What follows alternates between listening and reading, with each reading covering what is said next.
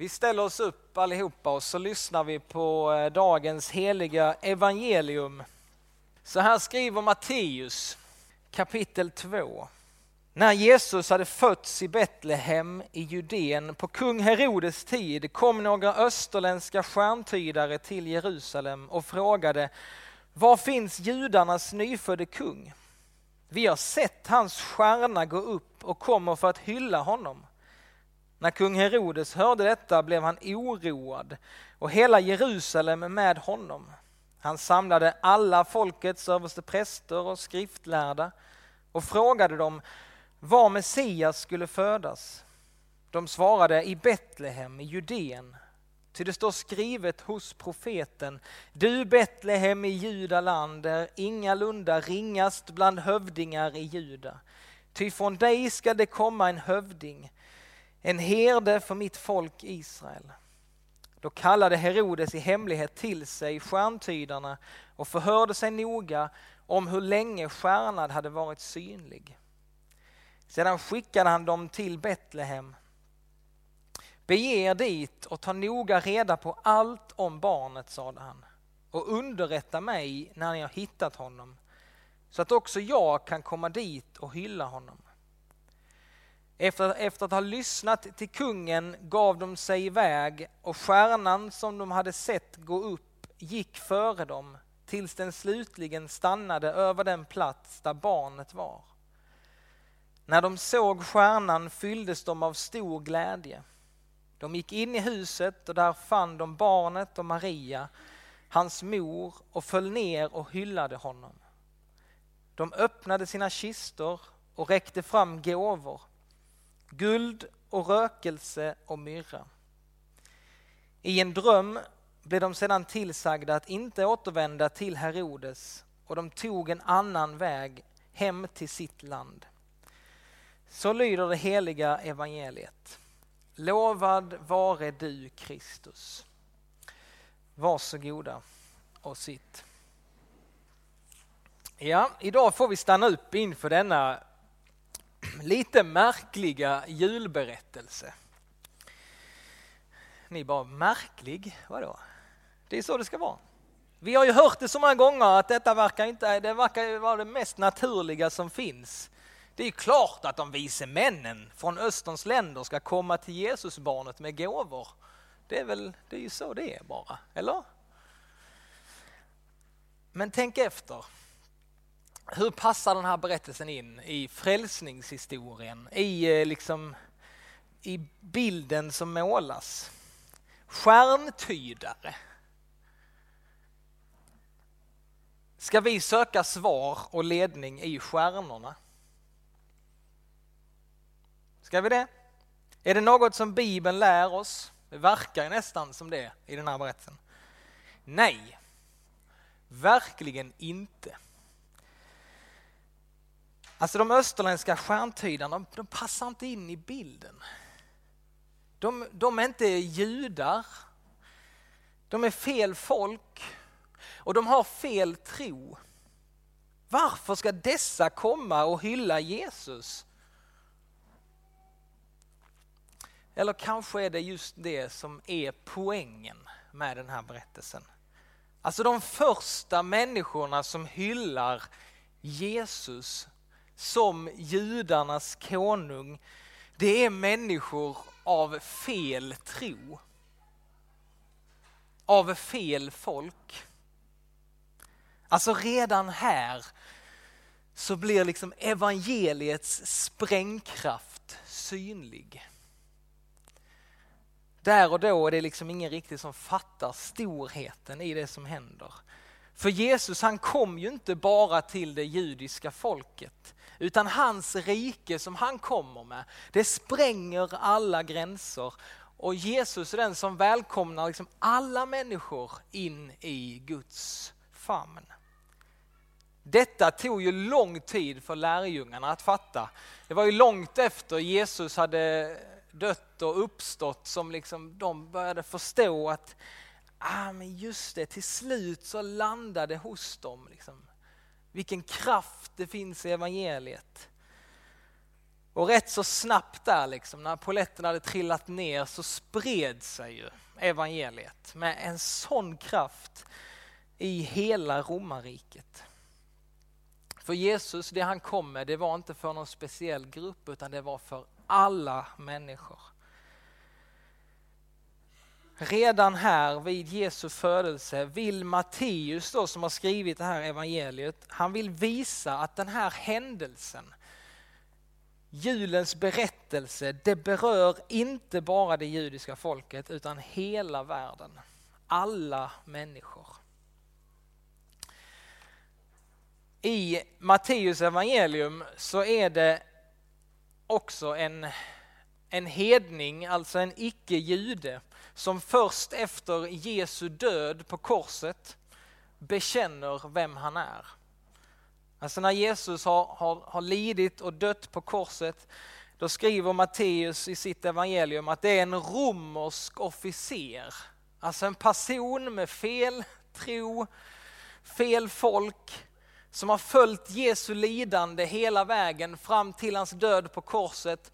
Och när Jesus har dött så utbrister den här romerske officeren, den mannen måste ha varit Guds son.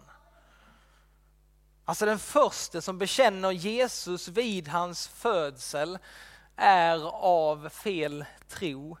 Den första efter korsfästelsen att bekänna vem Jesus var ja, han hade också fel tro.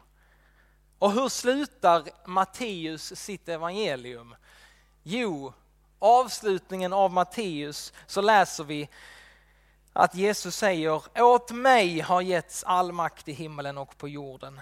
Gå därför ut och gör alla människor till lärjungar, alla folk.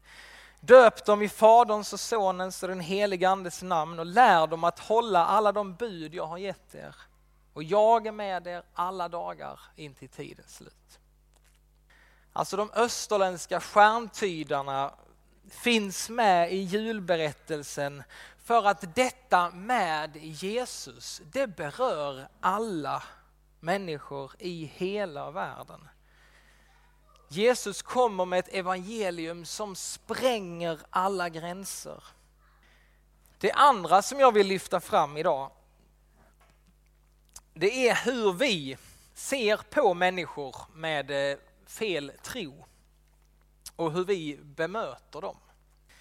Jag tror att det finns någonting vi kan lära oss av den här berättelsen. Om vi tänker på de här människorna, alltså de österländska stjärntydarna som följer stjärnorna, som försöker liksom finna ledning i stjärnorna. Något som vi inte ska göra. Vi följer Jesus och vi får ledning av den heliga ande. Det är så en kristen gör. Vi bör inte skåda i stjärnorna. Men de här människorna de söker liksom. Och deras sökande gör ju faktiskt att de kommer närmare Gud. Alltså jag tror säkert att dessa människors sökande är troligtvis väldigt genuint och ärligt och uppriktigt.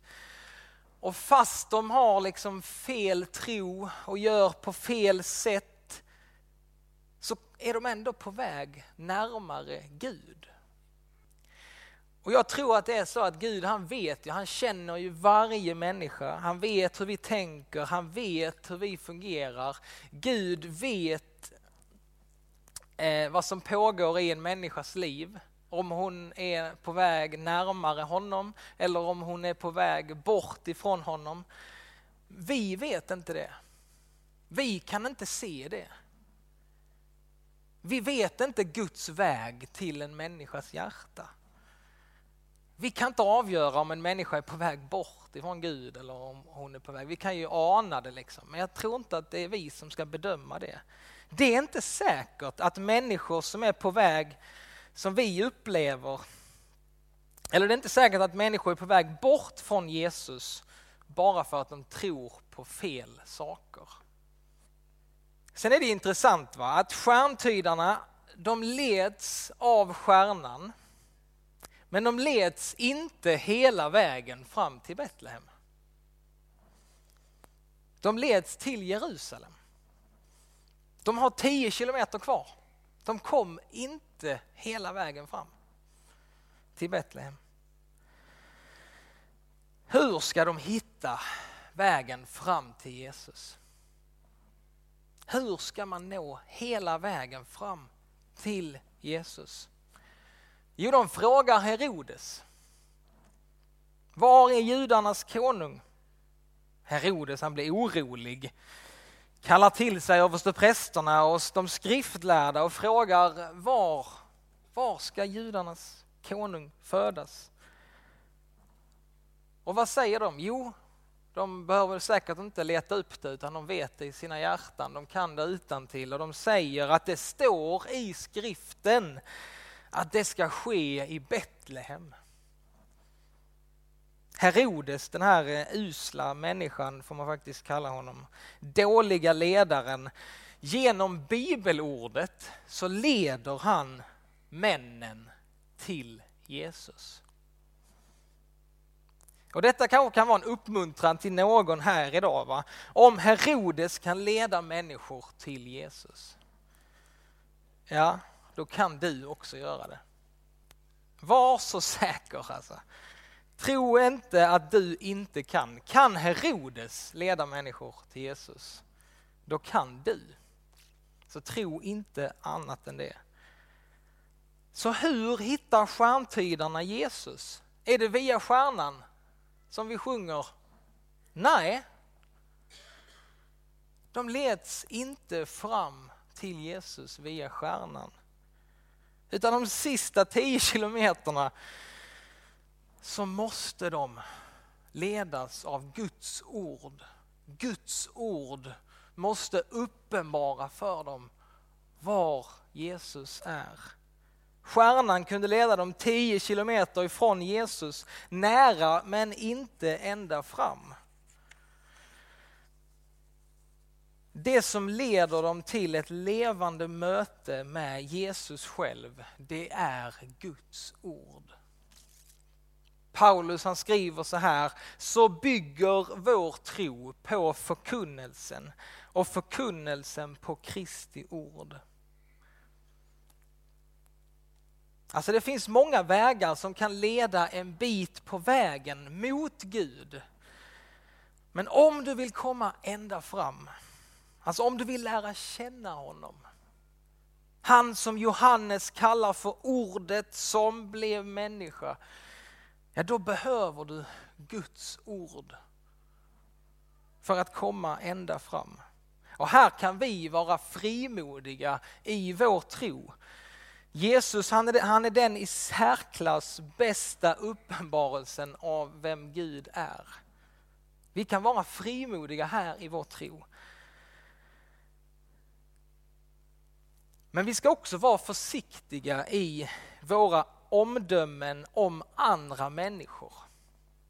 Alltså hur vi upplever andra människor som vi kanske tänker har fel tro. Vi vet inte vad Gud gör i deras liv. Vi vet inte hur nära eller hur långt borta de är ifrån Gud.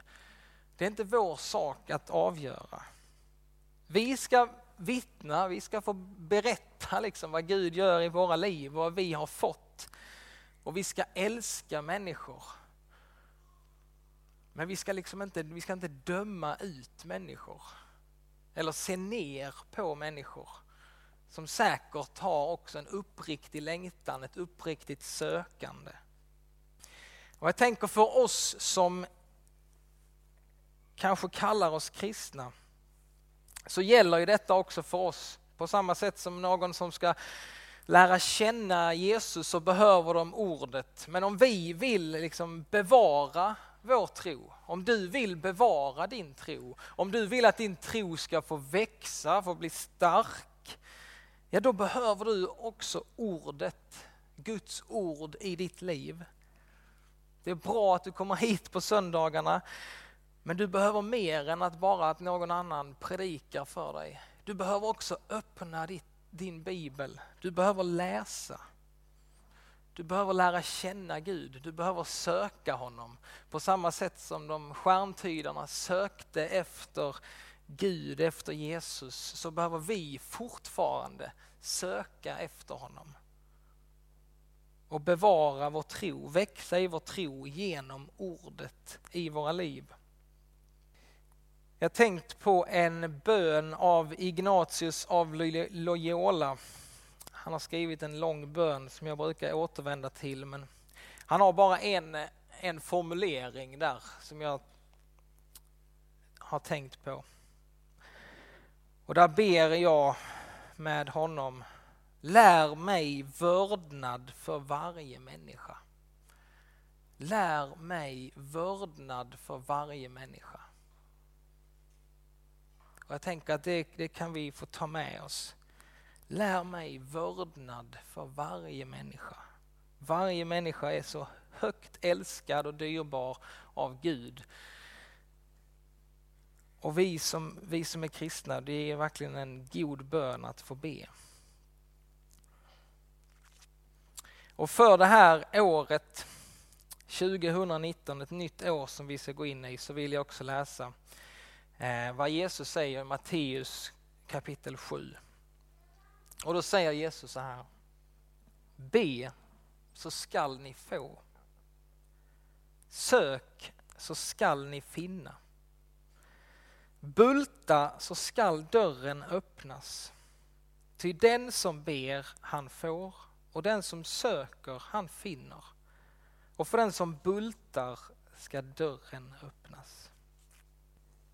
Ja, Herre, vi tackar dig för att du har uppenbarat dig för oss i Jesus Kristus. Tack att vi har fått lära känna dig. Tack att vi får lära känna dig ännu mer. Och jag ber Herre för det här året, i mitt liv, i vår församling, Herre, för oss var och en. Låt oss få lära känna dig bättre det här året. Låt oss få gå djupare, Herre, i vår relation till dig. Låt oss få söka dig, Herre, först. Du har du lovat att vi ska få allt det andra också som vi längtar efter. Men du vill att vi söker dig först. Herre, låt oss få göra det. Låt det få känneteckna det här året, att vi söker dig. Att vi söker visheten hos dig, Herre. Och Herre, låt oss få vara människor som, som får älska andra människor och bemöter människor med värdighet och respekt. Låt oss få vara vittnen om dig, Herre, var vi än går fram. Och vi vill lyfta fram den här korgen med personer som vi vill ska få lära känna dig Jesus.